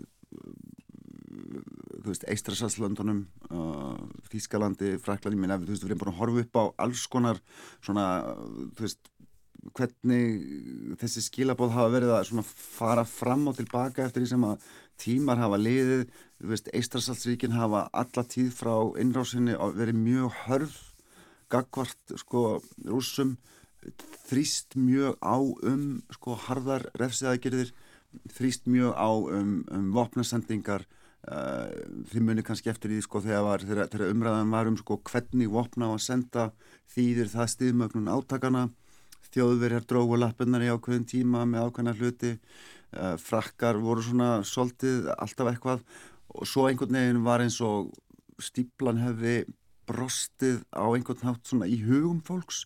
Þar að segja allt ínum var allt í lægi að senda skriðdreika fyrir, þú veist, nokkrum vikum áður var það bara, nei, við, við erum að, að kannski ekki góð hugmynd. Veist, allt í lagi var bara í, og þú veist, nú var sko, þú veist, pólverjar segðu bara við, við ætlum að senda flugvilar mm. Og hérna, nokkrum þú veist, vikum á mánuðum aður var bara, nei það, það geti leitt til einhvers mjög slæms og eitthvað svona, en hérna þetta verður allt saman svona verið svolítið í þróun. Uh, núna er einhvern veginn svona, bara núna standa menn einhvern veginn bara frammi fyrir þessu að að Ukrænumenn eru að undibúa stórsókn, það eldi sér ekki vafi á því. Og það er bara svona svolítið, kursin er svolítið bara þar núna einhvern veginn, það er bara allir eru svolítið komnir á sömu blaðsíðuna en voru ekkert endilega ja, kannski voru alltaf á sömu blaðsíðunni en þeir kannski voru ekki sömu málskrein uh, hérna um tíma allavega En þegar þú talar um sóknu, stórsókn Úkrænu þá áttu við uh, gagvart uh, hersveitum rúsneskum inni í Úkrænu er það ekki? Þeir, Jú. þeir ætla ekki að Nei, fara yfir Selenski landamæri. var bara að segja það bara síðast sko, í Berlín um helgina sko. hann, hann er ekki að fara í stríð inn fyrir landamæri Rúslands, hann vil hreikja þá yfir landamærin og, og stoppa þar. Og þeirra var svo sem verið sko, verið að mjög konsekvent í því undanfarið og bara alltaf, þú veist, þótt að þeir hafi sjálfsögðu sko og kannski stundum viðkjönda en stundum ekki, gert svona loftárásir eða drónaárásir hér og hvar svona nálagt landamærum Úkrænu þar að segja inn í Rúslandi sko. Um, rúsa sko sökuðu þá reyndar um drónaárás á Kremlum daginn þeir harðneituðu því reyndar. En, en svona, þeir hafa frek, svona freka konsekventi því að segja bara við, sko, við erum bara í stríði við rúsa á yfirraðsvæði Úkrænu uh, við erum ekkert að fara í landvinninga í, í, í Rúslandi og það er líka náttúrulega það, það er náttúrulega þarf hann að segja mjög skýrt og greinlega gagvart stöðningsríkjum sínum í vestri. Þeir, þau eru ekki til í að sko, styðja hernaðaraðgerðir sem að þýðir sko, árás og Rússland sko. þau eru til í að, að styðja sko, varnar, varnarstríð. En sóknaraðgerðir í varnarstríði að segja, til að ná aftur þau endur heimta landsvæði. Eins og þau gerðir endar í, í munið í, í, í hvað september og november fyrir þegar þeir sóttu í norð norðaustur hluta Úkrænu í kringum Kharkiv og hröktu rúsa sko 100 km austur á bæin og náðu síðan í, hérna, í söðuluta Úkrænu í, í, í, hérna, kringum Kherson Mm. þar sem að rússar hörfuðu yfir nýbúna ána þá langar held ég mjög mikið til þess að halda þessum sóknaraðgjörum áfram og ég meina að margir telja að þær muni beinast gegn sko yfirraðasvæði rúsa í Ukrænu sérst í kringum Krímskaðan uh, ég held að þau langi mjög mikið til þess að rjúfa sko þess að landabrú yfir til Krímskaðans sem er náttúrulega þú veist, mjög mikilvægt svæði bæði fyrir Ukræmin og rúsa þetta er svæði sem að rússar lögðu undir sig 2014 þetta er, veist, þarna er flota höfn rúsa í, í Svartahafinu. Uh, þeir hafa byggt þessa brú yfir frá Rúslandi til, til, til Krímskaðans Kersbrún sem að, að Úgræn með riðust reyndar á í, í, fyrirsumars, eða fyrir höst það væri mjög svona symbolískur sigur að, að komast suður á bógin og rjúfa í rauninni sam, samfellu rúsneska yfirraðasvæðisins í söður hluta á Ukrænu og það er að segja aðskilja þá uh, í rauninni hersveiti rúsa hvort frá annari þarna gagvart sko til að komast niður að strönd svartahafsins og það væri risastór sigur enda líka að hafa rúsa sko byggt upp mjög miklar varnalínur einmitt á þessu svæði sko. það, er, það, er ba, veist, það er barist um bakmút núna eins og hefur verið í fréttum undanfarið. Það er það er það eru lítil velun held ég að ná þeirri borg. Er fyrir Ukrænum en eða rúsa Uh, stóra máli verður að, að sjá hvert þessar sóknaraðgerðir beinast hjá Ukrænum sem að bara ég myndi segja það væri bara hvað heitir það á íslensku? Yfirvofandi. Já, en uh, Björn, svo líka að tala um uh, fleiri fundi í erlendum fjölmjölum til dæmis það sem að svona, við kannski gleymum að því við erum á okkar að, við erum að fylgjast með fundinum hér en svo eru G7-ríkin að fara að hittast í Japan er það ekki setna í vikunni og það eru alls konar, eru fleiri vikstuðum verið að skoða stuðning og, aðgerðir gagvart rússum til dæmis. Akkurat, G7-ríkin sem voru eins og nefnuð G8 Já. uh, þeir eru að hittast í hvað, Hiroshima í Japani minnum mig uh, menn eins og Sunak, Scholz og Macron vil sem fari beint þangað. Já, uh, það er stór fundur og, og er er alltaf sko leituðafundur G7 Uh, þar held ég að umræðan verði sko mjög mikið um Ukrænu og rúsa áframhaldar, sérst, áframhaldandi sérst, refsu og þingunar aðgerði gagvart þeim á, í, í sko heimsviðskiptakerfinu. Uh, það, það, það, það held ég að verði minna rætt sko á þessum fundi hér Uh, þetta snýst meira um sérst, í rauninni veist, eintak Evróbráðsins líðræði mannréttindi réttir ekki og allt það já, Evrópuríki náttúrulega er ekkert að samþykjun eina refsaðgerðir eða, já sko Eða það hvað? er reyndar í pípunum já, núna 11. pakkin hjá ESB já, en ekki Evrópuráðin. nei, nei, þau eru ekki til því sko Uh, það, það er ekki það Nei. Sko það er ekki sko hér það er líka hérna, hérna ráðstöfna um líðræði í Kaupnafn í dag Já, Það er Kaja Kallas, fórsettisráþurra Eistland sem að kemur náttúrulega hinga held ég. Uh, þar er uh, Liz Truss, fyrirhandi fórsettisráþurra Breitlands já, og, hérna Nancy Pelosi, uh, st st Jens Stoltenberg, sko verður það líka. Og hérna þetta er allt sem hann, það er svona mikið, mikið á dagskrá einhvern veginn í dag og, og glemir því ekki, það voru kostningar í Tyrklandi ekki hér. Já, akkurat. og uh, allar líkur er það ekki á að uh, kjósa þurfi á ný eftir tvær vikur. Það sýnist mér á öllu. Um, Killi Þeiraglu, leitu í stjórnarandstöðunar, hann, samkvæmt skoðanakonunum bara síðustu daga, sko, var hann komin yfir 50% og, og hérna, það voru mjög margir að vonast eftir, eftir sigri hans bara í gerð. Um, Erdogan virðist hafa sloppið betur en á horfist. Hann síndist mér í morgun vera með í kringum 49% eitthvað en uh, það verður nokkuð líklega kosið aftur 28. mæ á milli þeirra tveggja og það verður annar harður slagur. Ég var að lesa nokkur viðtölu við fólk í Istanbul og, og viðar í Tyrklandi í morgun og það voru bara allir svona að dæsa bara, æ, þú veist, bara, þurfi ekki bara að klára þetta ekki.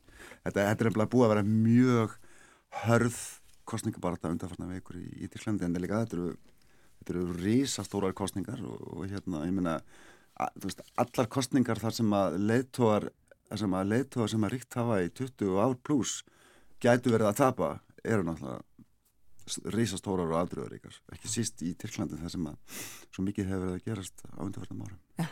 Fulltrúi Tyrklands á uh, leðtóðafundi Erupurðásins er vara utanrikisráþarann.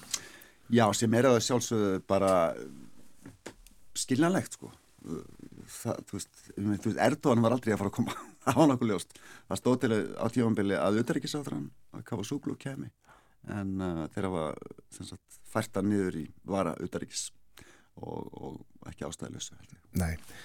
Þú fylgst með uh, fundinum og uh, fjallar um í fréttunum hjá okkur næstu daga uh, en svo verður bara aftur með okkur á morgumattinni frá Brussel mándagi næsta, er það ekki? Á mánudaginn næsta. Þakka þér fyrir að vera með okkur í dag, Björn Malmqvist. Bless.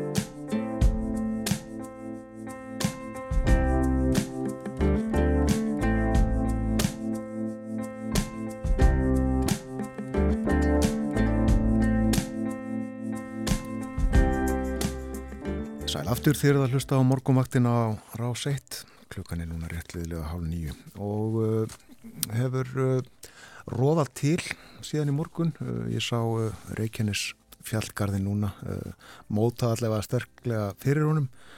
En hann sást ekki sem sagt snemma í morgun. Þá reyndi þokuloft. Og Keilir er fallegur í dag eins og alla daga. En við höldum áfram umfjöllun hér í þættinum um alþjóðastjórnmál, ástand og horfur til okkar er komin Ingi Björg Solrún Gísladóttir, fyrverandi utryggisráþura og starfsmaður alþjóðastofnana. Tilefni spjalls okkar er fundur leðtoga aðeldaríkja Evrópuráðsins í Reykjavík, hann hefst á morgun. Velkomin til okkar. Takk fyrir. Já, byrjum á þessum fundi sem að er haldinn vegna innrásar rúsa í Úkrænu. Getur eitthvað metið gildi hans og gagn? Nei, hann er svolítið erfitt. Ég var nú einmitt að reyna að hugsa það svolítið á, á leiðina því ég var að hlusta á, á fréttir. Og uh, það, það hefur verið talað um að það komi út yfirlýsing, eh, Reykjavík Declaration eins og það hefur verið, svona vinnuheitið hefur verið.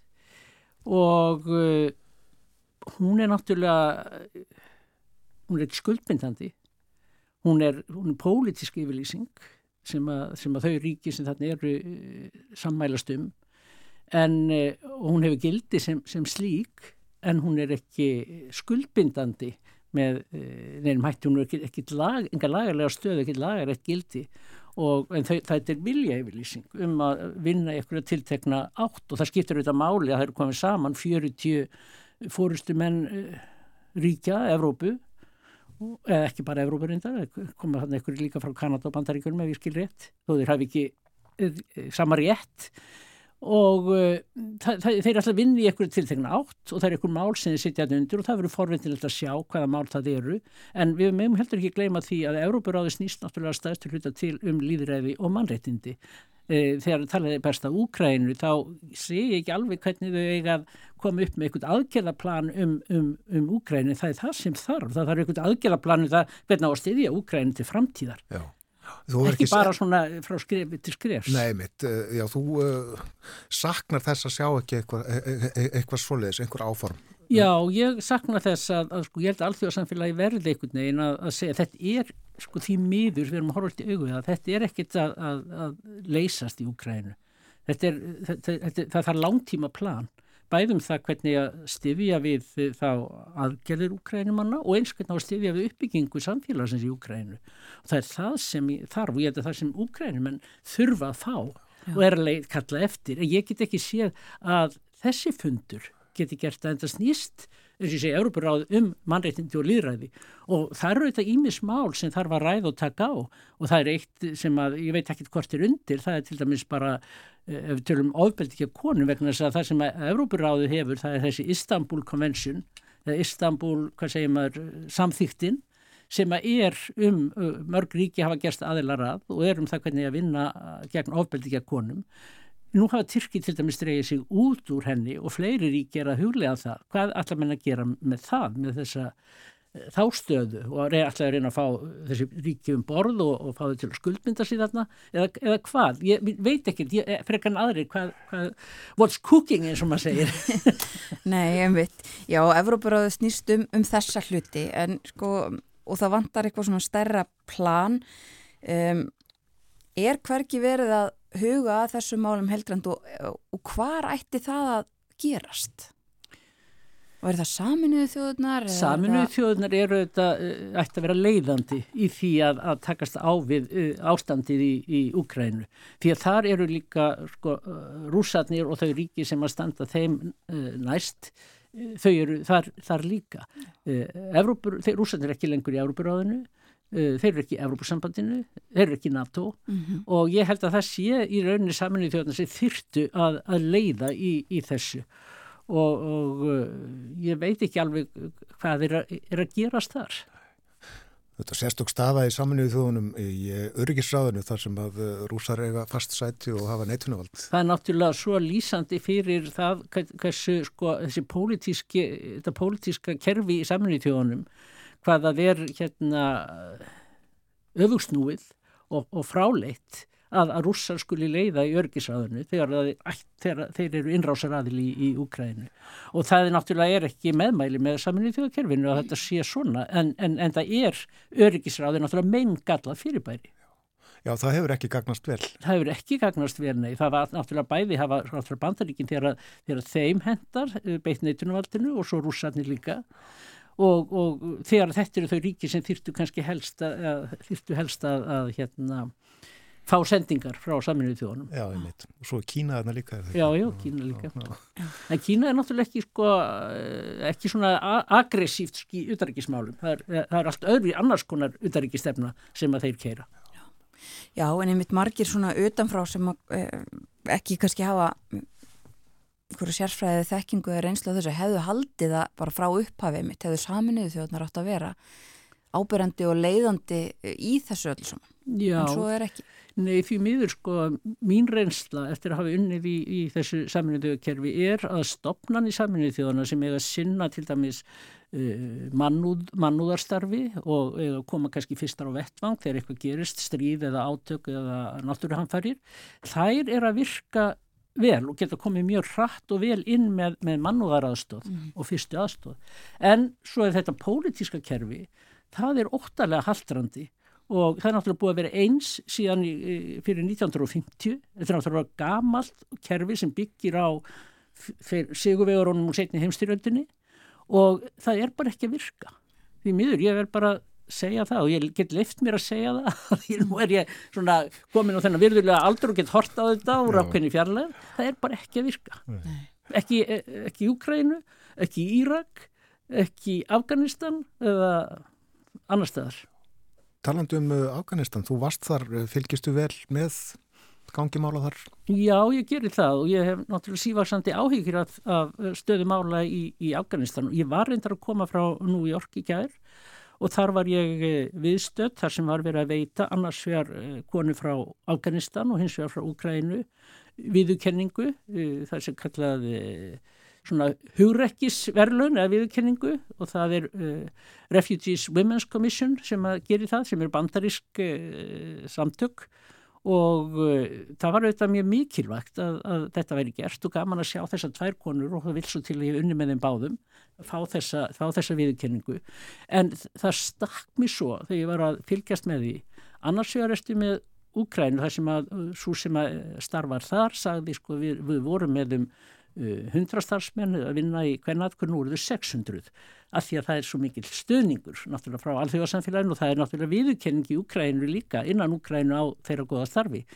Svo kemur hér frá Afganistan og segir við vorum með uh, svo og svo mörg atkvörf í, í Afganistan nú er eitt atkvarf í Afganistan fyrir konur og börn sem verða fyrir ofbeldi. Og það er atkvarfi sem hún rekur og hún heldur áfram að vera í Afganistan og heldur áfram að vinna þar og heldur þessu starfi áfram. En það er náttúrulega engin stuðningur innanlands og svo er alþjóðarsamfélagið getur ekki fundið út og hvernig það getur, getur stutt við þetta, þetta starf. Glimtu við Afganistan eða, eða er bara ekki við neitt ráðandi þar meðan talibanir eru þar við Í- Nei, þá komum við líka því, sko, hvernig ætlar menn að eiga við talibanna á bara að, að, að hérna, segja þeir, þeir, þeir eru bara, þeir eru bara, eru þarna og við ætlum bara ekkit að, að hafa samband við það því þeir eru á móti öllum þeim gildum sem við stöndum fyrir.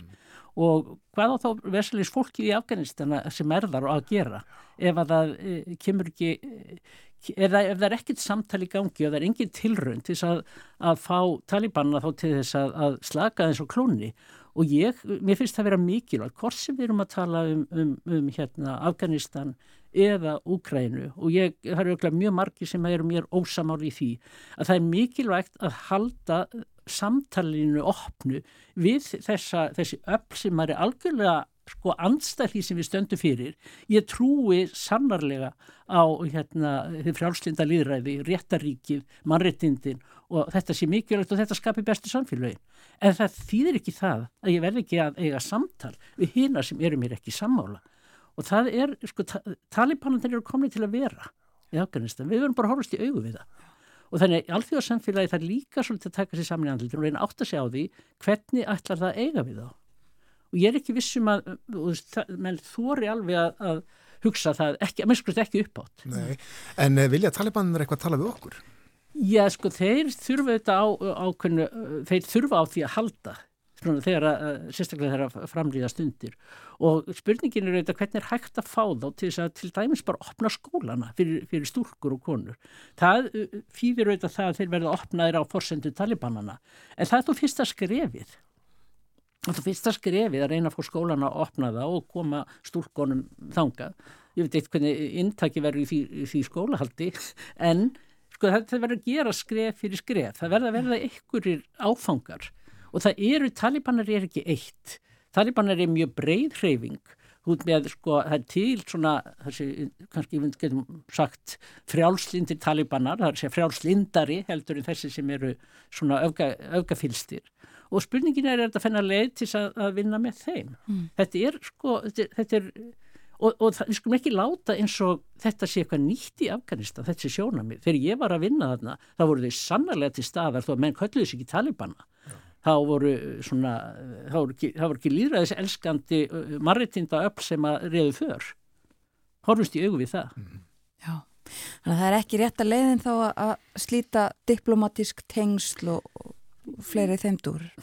Sko það er náttúrulega þessi fyrsta aðgerð er það mjög skiljalegt en, en uh, eins, og, eins og hlutinni þarna, en það verður að vera samband, það verður að vera einhver leið til þess að, að vinna málum. Sko hver allar að fara, allar einhver að fara þarna inn og, og hérna taka, það- að, taka þá niður sko með, með hervaldi, það stendur ekki til. Og það væri náttúrulega algjör katastrófa, þannig að hvað allar með þá að gera? Það verður einhver sko að vera að finna einhverja leiðir. Og ég, mér finnst þetta líka varðandi sko rússana. Jú, allt í lagi, ég skil alveg þegar, Európuráði ákveður að eh, setja rússana út. Þeir eru náttúrulega ekki heldur líðræðis elskandi mannreitinda frömuður en hvernig ætla að menna að halda samtalenu, opnu við þá. Og mér finnst líka með samtökinn sem ég var hjá ÖSE, ÖSE var stopnað sérstaklega til, til að vera þessi tengiliður millir östurs og vesturs. Og eh, nú er það bara einhvern veginn í al- al- algjöru frosti og þetta, þetta, ég held að við þurfum líka á Vesturlöndum að horfa svolítið eigin bar og reyna átt okkur á því hvað getum við gert að næna að skelli lás. Já, þannig að þú uh, tekur ekki undir með þeim sem að vilja til dæmis að við Íslandingar slítum stjórnmálasambandi við rúsa og sendum, sendi þeirra, heim og kollum okkar heim. Nei, ég sé, ég, ég sé ekki ástæðu til, til þess. Eins og sakistanda nei. Ég meina svo get ég verið þú veist, or- orðið mógu fyrir höndi Íslands í hvernig þessi sendiherra hefur hagað sér Já, já. og það er sjálfsagt að kalla hann á teppi og það er sjálfsagt að hann fóður skýr skilaboð en það er bara eitt og annað er að slíta stjórnmálusambandinu Einmitt. Það skrifar einmitt uh, grein í morgunblaði þetta. Nú, já, Sendi já. Það heldur áfram, upptekn og hætti Hugleðingar um leðtóðafund Európaráðsins í Reykjavík. Já, Já, einmitt. Uh, þannig að það þarf að finna leiði til þess að halda samtalinu opnu og gangandi, hvort sem við erum að tala um Rúsland eða, eða Afganistan. Uh, við ætlum líka að spyrja þig aðeins um Tyrkland, því þar hefur líka þetta verið og önnið og þú komst aðeins inn á þetta áðan mitt, Tyrkir hafa dreigið sig út úr Istanbul samþyktinni um, ofbeldi gegn konum um, og það eru svona uh, væringar þar. Uh, fór þú þannig að, að Erdogan fórseta var ekki uh, ekki, já, steiftastóli, hann, hann tapaði ekki, Nei, það þarf að kemur í ljós eftir halvan mánuð. Fylgistu vel með þar líka? Já, svona, já vel, ég, ég fylgist, ég er alltaf með annað auga svona á, á Tyrklandi því að mér þykir mjög vænt um, um, um Tyrkland og, og, og hérna merkileg, merkileg þjóð og, og, og, og merkileg samfélag. Já. Og hvernig, hva, hva, hvað segir um stöðuna þá sem er uppi núna? Um, þetta er náttúrulega mjög áhugaverð staða. Uh, en þetta er auðvitað bara fyrir umferðin og, og setni umferðin er, er eftir. Og uh, það er náttúrulega aldrei merkilegt út af fyrir sig að hann skuli, uh, Erdogan skuli þó ná þessum árangri. Og hann skuli ekki vera ski, feldur miða við bæði stöðuna sko, í landinu efnaðarsmálum, alveg skerfileg staðan efnaðarsmálum þar sem að sko, verðbólgan fór held ég upp í 80% á, á síðast árið eitthvað álíka Þannig að svona, auðvitað finnur tyrknarskur almenningu mjög fyrir því að uh, allar nöðsynjar, lífsnöðsynjar hafa hækkað mjög verulegi verði. Svo er það náttúrulega hérna jarðskjáltarnir, þessi skelvilegu jarðskjáltar og gaggrínin sem hefur komið fram á tyrkni stjórnvöldum það hvernig tóku á, tókust á við það og hafi verið sein til að, að uh, koma með nöðsynlega þjónustu til þeirra sem að urðu harðast úti. Þannig það er margs konar gaggríni sem er á hann og, og samt þó næra hann þessu. Já.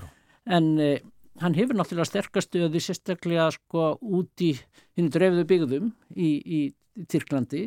Eh, staðan í, í eh, Istanbul og Ankara og, og, hérna, er ekki eh, þar er hann ekki kannski einn sterkur en hann náttúrulega sá til þess að aðal keppinauturinn sá sem hafi kannski helst getað haft hann í, í, borgarstjórin í, í Istanbul gæti ekki búið sér fram. Hann, hann hefur alltaf sína leiðir til þess að, að eh, koma andstæðingunum um til ás og slá. Akkurat.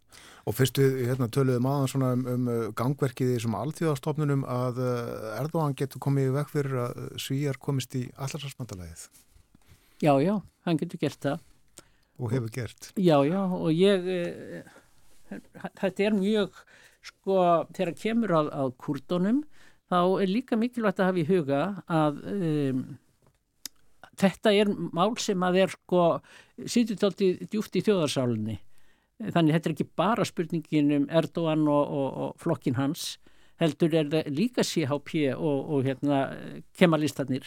Þetta er líka mál fyrir, fyrir þeim. Þannig að það er ekki algjörlega sjálfgefið að uh, þó Erdogan uh, ná ekki kostningu og tapi kostningunni að, að þetta mál leysist það, það þarf, ég held að það þurfi eitthvað að koma það þarf að, þyrkinni þurfa að fá eitthvað Já. hvað það er veit ég ekki Já, þetta mál eh, leysist ekki en, en svona að öðru leiti ef að verður nú skiptum stjórnvöld eða, eða leðtoga í Tyrklandi. Eh, manni finnst stundum talað eins og það muni bara gjör bylta öllu en, en er það svo? Nei, ég held að það, það, mun, ekki ger, það mun ekki gerast sko. það menn verða að fara sér sko, þegar menn verður líka að spila þetta á einhvern klókindum uh, því að hann er þrátt fyrir allt með mjög mikinn stuðning. Og við skulum ekki gleyma því að hann er mikill orator. Hann er sko og þegar maður hefur heyrt hann og séð hann tala og, og, og séð hvernig fólk bregst við og, og, og Kílítsirólu er það ekki. Hann er alltaf önnu týpa þannig að, að hann þarf nú sjálfsagt að, að finna einhverja leið ef hann, ef hann, eh, ef hann verður ofan á til þess að, að gera svolítið upp við arf Erdóans án þess þó að, sko klippa alveg á strengin það verður, eh, frólikt að fylgjast með því ef, ef að það verða valdaskipti í, í Tyrklandi, hvernig það verður gert. Já, einmitt. En kemur þú til með að fylgjast með þessum fundi sem að haldin verður hér á Íslandi næstu daga? ekkit uh, umfram það sem bara almenningu gerir Já. sko, ég bara fylgist með í gegnum ykkur og aðra sem, sem hann segir fréttir En þú fylgist vel með uh, fréttum utan úr heimi, hefur mikinn áhuga á, á erlendum málefnum. Hvernig finnst þér svona, ég var að segja, hjartlátturum vera á jörðinni? Ég, eh, mér finnst svona, eh, það er ákveðin kaplaskil að eiga sér stað. Við vorum sko eftir 89, þá þegar, eftir að múrin fjall og sovjetkerri fjall, það má segja svolítið að, að Esturland hafi orðið svolítið ástfangin á sjálfum sér og sínum gildum og, og mikilvægi þeirra og trúa því að þau væru bara komin til að vera og allir væru tilbúinir að, að taka þau, þau upp og ég heldur verið að horfast í augu við það núna að þannig er það bara alls ekki. Það var í raunin aldrei þannig með, með rússana, þeir, þeir orði hvernu fjallist á þetta meðan þeir voru svona að sapna sér saman og svo náttúrulega 2007 þá gerði í, í Putin alveg grein fyrir því í munn hér að þetta stæði ekki til að, að, að kokleipa þessi vestrænu gildi og þeir ætluðu sér að, að láta menn finna til, til vatsins. Þannig að við máttum alveg búast við þessu en menn einhvern veginn tóku ræðin ekki alvarlega 2007. Það sem hann er að gera núna er alveg samræmi við það sem hann bóðaði þeirri, þeirri ræðu. Þó með hann menn hafa kannski ekki átt að sjá því hvernig þeir eru nákvæmlega gert. En og svo er náttúrulega að sjá við það í Pólandi og Ungverjalandi, Serbíu og víða, þá eru, uh, þá eru sem sagt ráðamenn sem eru svona, já, eru heldur ekki að kaupa þessi, þessi vestrænu gildum, hitt frjálslinda líðræði og, og mannreitindin og réttaríkið. Og, og það er svona spurning hvernig menn alltaf takast á við það. Við verðum að horfast í augu við þetta. Svona er staðan og þetta er vaksandi, þessi, þe- þessi þróun. Já, og uh, þetta eru stjórnmálamenn sem að, að uh, njóta fylgis í heimanum. Já, já. Þeir eru kjörnir uh, til, til valda. Þeir hafa náttúrulega sko, Erdogan og Orban og, og fleiri og Kaczynski í Pólandi. Þetta er ekki, þetta er engin, engin hérna, líðræðis uh, elskandi leiðtógar og þeir beita ymsum aðferðum til þess að, að uh, til þess að ná tökum á stofnunum samfélagsins, á, fari gegnum kostningar, jú, og það er kannski ekki mikið hægt að segja um kostningarnar, en það sem undangengur, það er að segja st- staða eh, stjórnar, stjórnarandstöðunar, staða fjölmiðla, það er þar sem að þeir hérna, eh, setja skrúuna á og reyna að koma í vekk fyrir að, að þessir aðeila geti svona náð vopnum sínum. Já. Frjálshugsun er, er ekki leið bara. En þannig erum við að tala um ríki sem eru í Evrópusambandinu. Uh, Evrópusambandinu ekki heldur gengið að koma einhverjum böndum á þetta eða eiga við þetta, eða hvað? Nei, nei, það vilist ekki vera. Og það er náttúrulega sko, uh, það er náttúrulega fráleita að uh, leiðtúar í Ungarjalandi og, og Pólandi þeir kenna Európusambandinu og alþjóðavæðingunni um allt sem að aflaga fyrr heima fyrir og þeir séu aðal sökudólgarnir og þeir séu í rauninni að, rauninni að, að, að gegnum uh, ströym flóttamanna að, að reyna að taka yfir ríkin og skipta um, um þjóð í þessum, þessum ríkjum. Uh, en á saman tíma þá eru þeir ekkit á móti því að fá það sem gott kemur frá Europasambandinu og taka við fjárframlögum og, og, og stuðningi. Þannig að þetta er sko annarkvort eru með með í klubnum eða, eða ekki og þá á forsendum klubsin sem þeir gengu í.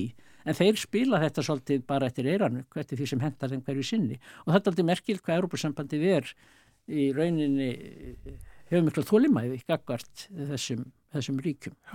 Og breytarnir farnir Já, já, verðarnir eru farnir, það er rétt. og finna komnir í NATO. Það er margt breyst á Það er síðust margt breyst, Já, það er margt já. breyst og ásjálfst eftir að breytast enn. Það er Já. líklegt. Þakka er innlega fyrir að koma til okkur á morgunvaktina Engibjörg Solrún og spjalla hér um uh, heimsmálin. Við gáttum nú svona stíðið fæti niður á, á stöku stað. Það er- er stór og, og það er margt að gerast. Já, víða. já, já. Og það er náttúrulega, eh, sko, mér langar aðeins bara því við nefndum þetta að ég var að hlusta á Óla Ragnar í gær, sko, hann var að tala um, eh, hérna, menn þurftu kannski aðeins að rifja upp aðferðina sem voru notaðar í kaltastíðinu og þar held ég einmitt að, sko, ösi og, og hérna Helsingi prósessin sem var settur á laginnar það sé eitthvað sem að sko, menn þurfa aðeins að uh, rifja upp hvernig, hvernig var og dusta ríkið af, af ýmsum aðferðum sem menn kunnu. Já, það eru til einhverstaðar. Já, já, það eru til. Þakka er áttur fyrir komin að Engibjörg Solrún Gísladóttir. Takk.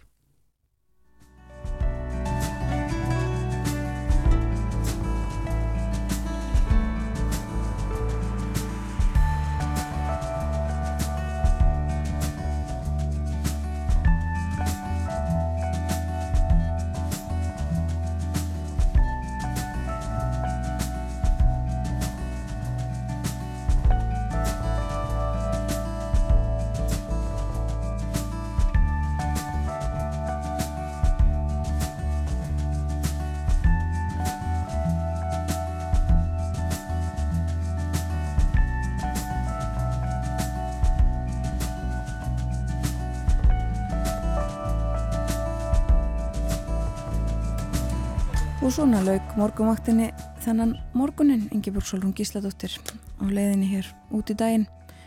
Við rættum um alþjóðamál, hitt og þetta sem við kemur þeim. Við verðum með hugan við þennan leið tófund Evropuröðsins svona öðrum þræði og verðum það áfram næstu daga. En þessu er lokið hjá okkur í dag. Við þökkum samfélgina og verðum hér aftur í fyrramálið. Klukkan tímyndir í sjö, eins og venjulega. Verðið sæl og njótið dagsins.